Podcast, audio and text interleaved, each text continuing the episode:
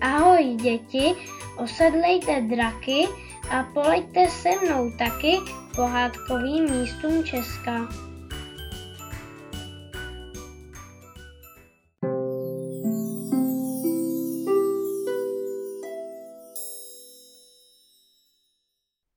Králova zahrada Byl jednou jeden král, slavný to válečník a obávaný soupeř. Ještě jako mladík si vydobil slávu na mnoha turnajích. Zároveň byl také zdatným správcem a rozkvět jeho země mu přinášelo uspokojení. Mohl se tak chlubit nejen vavříny získanými v bojích, ale také bohatstvím svého království. Jeho království leželo mezi nepřístupnými horami a vstup do něho byl možný pouze deseti branami, které se otvíraly většinou kupeckým stezkám a nebo do vzdálených lesů, kde se daly sehnat různé léčivé bylinky. Do tohoto království si mladý a nadějný král přivedl svou ženu, královnu Jitku. Snil o tom, že díky ní se jeho království stane ještě větší a mocnější než dřív. Vždyť Jitka nebyla obyčejnou princeznou, ale dcerou mocné paní královny lesu. Těšil se, že mu Jitka porodí syna, který bude mít jeho chrabrost a sílu a její moudrost a vhled do hospodářských záležitostí země. Jenomže královně Jitce se rodily jen samé dcery. Když se mu narodila první, byl rád a pišnil se jí. Ona uchvátila jeho srdce a on se radoval z její krásy a něžnosti. Když se pak narodila druhá, i ji byl ochoten přijmout do svého srdce, ale malinko znetrpělivěl. Měl své malé dcerušky rád a i když si to nechtěl přiznat, obě ho v nejniternější části srdce uchvátili. Ale už se moc těšil na naplnění svých představ o své důležitosti a moci. A k tomu, jak si myslel, potřeboval syna. Když se tedy narodila třetí, čtvrtá a pátá dcera, začínal se na svou paní zlobit. Byla přece jen tajemnou dcerou paní z lesu.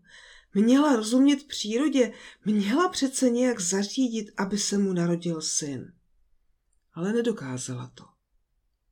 A když se mu jako desátá narodila opět dcera, míra jeho trpělivosti přetekla.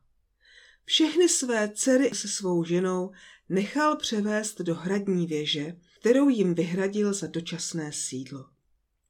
Nechtěl je mít na očích. A pak se znovu vrhl do víru života a tím, že bude plnými doušky pít svou slávu a úspěchy za hranicemi, chtěl utěšit svou bolest a zklamání z nenaplněných snů. A jeho země, o kterou se nikdo nestaral, pomalu upadala.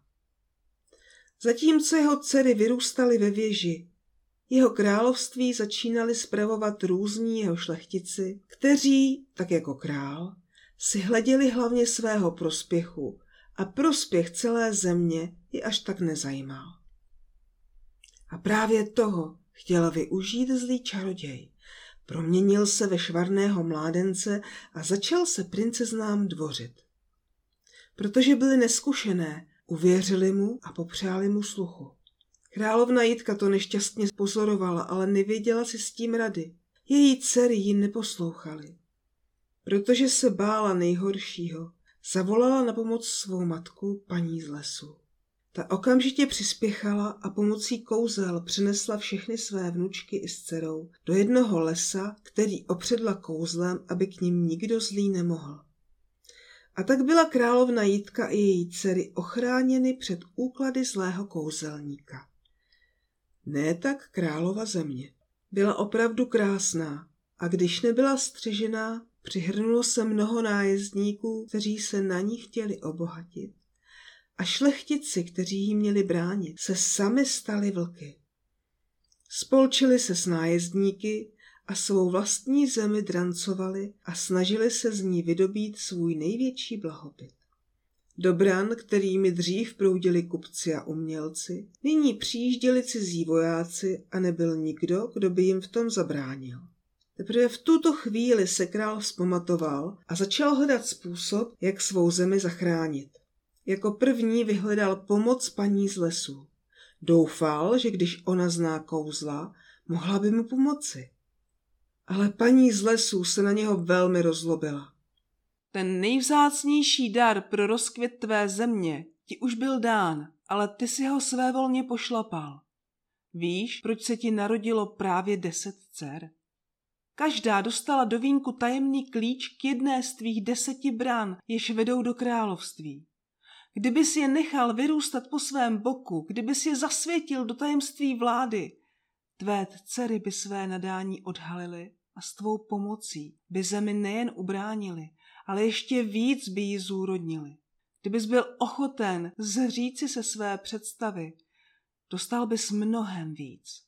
Mohl se schlubit ne jedním synem, ale deseti dcerami a že by ti hanbu neudělali. Teď pokud chceš získat svou zemi zpět, musíš nejprve získat zpět srdce svých dcer. Žijí v jedné z tvých zahrad na okraji království, kterou si nechal pustnout podobně jak duše svých dcer. Proměnila jsem jí v les a tvé dcery v něm ukryla do květin, do bledulí. Ten les je přísně střežen a chráněn, takže k ním nikdo nemůže. Ani jejich přátelé, kteří jim nahrazují část tvé chybějící lásky. Mohou přijít jen na jeho okraj, aby se potěšili pohledem na ně.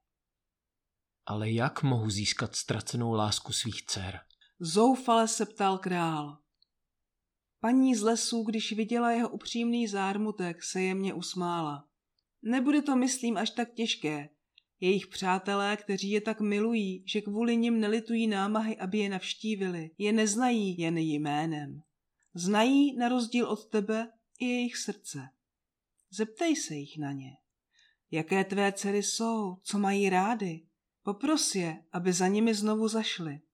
Před nimi se skrývat nebudou. Požádej je, aby ti je vyobrazili a pověděli ti o nich. I já mám ale na tebe jednu prozbu, pokračovala paní z lesu. Varuj je, aby nešli za tvými dcerami dál, než jim dovolí hranice území, kterému dnes lidé říkají přírodní rezervace. Kdyby na ně vstoupili, nebo, nedej bože, nějakou květinu zranili, nezískáš už je nikdy zpět. A pospěš si, protože odhalit podobu tvých dcer je možné jen v období rozkvětu bledulí, mezi kterými jsou ukryté. Král tedy svolal přátele svých dcer a takto je oslovil. Milí přátelé, ve kterých našli mé dcery zalíbení, slyšte mou královskou prozbu. Jděte k okraji kdysi mé zahrady, která je dnes lesem. Pozdravujte mé dcery a vyřiďte jim, jak všeho lituji. Zachyťte prosím pro mne jejich obrazy a přidejte o nich pár slov. Napište mi jejich jména, jaké jsou a co mají rády. To vše mi vyřiďte prostřednictvím mého posla Lorda Facebooka von Zuckerberg. Mám pro vás přitom ale jedno důležité varování. Nechoďte za mými dcerami dál, než dovoluje hranice území, kterému dnes lidé říkají přírodní rezervace. Poznáte je podle dvou červených pruhů na stromech. I v jeho okolí se ale chovejte ohleduplně, jinak hrozí, že mé dcery a vaše přítelkyně ztratíme navždy. Poznali jste ve slovech krále výzvu k aktivitě pro vaše děti? Můžete podobně, jako jsme to udělali my, vyzvat své děti, aby na čtvrtku papíru nakreslili, jak si představují ony začarované princezny z příběhu. Po nakreslení je mohou vystřihnout a nalepit pomocí izolepy na špejly, aby vznikla loutka, která se bude moci snadno zapíchnout do země. Takto doma připravené princezny z příběhu si můžete vzít na svou vycházku do královy zahrady a někde je tam citlivě umístit, aby je bylo možné s bledulkami vyfotit. Prosíme vás přitom o velkou ohleduplnost k okolní přírodě a respektování pravidel její ochrany v přírodní rezervaci. Podaří-li se vám za splnění těchto podmínek princezny u bledulek vyfotografovat, můžete je nechat vašimi dětmi ještě pár slovy představit a tato slova spolu s fotkami princezen sdílet na naší facebookové stránce.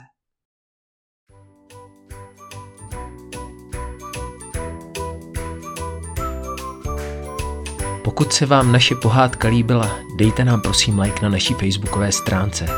Nechcete si nechat ujít další pohádku? Odebírejte nás na některém z podcastových médií, podcasty.cz, Google Podcast nebo Spotify. Pozbudíte nás tak k další tvorbě. Děkujeme.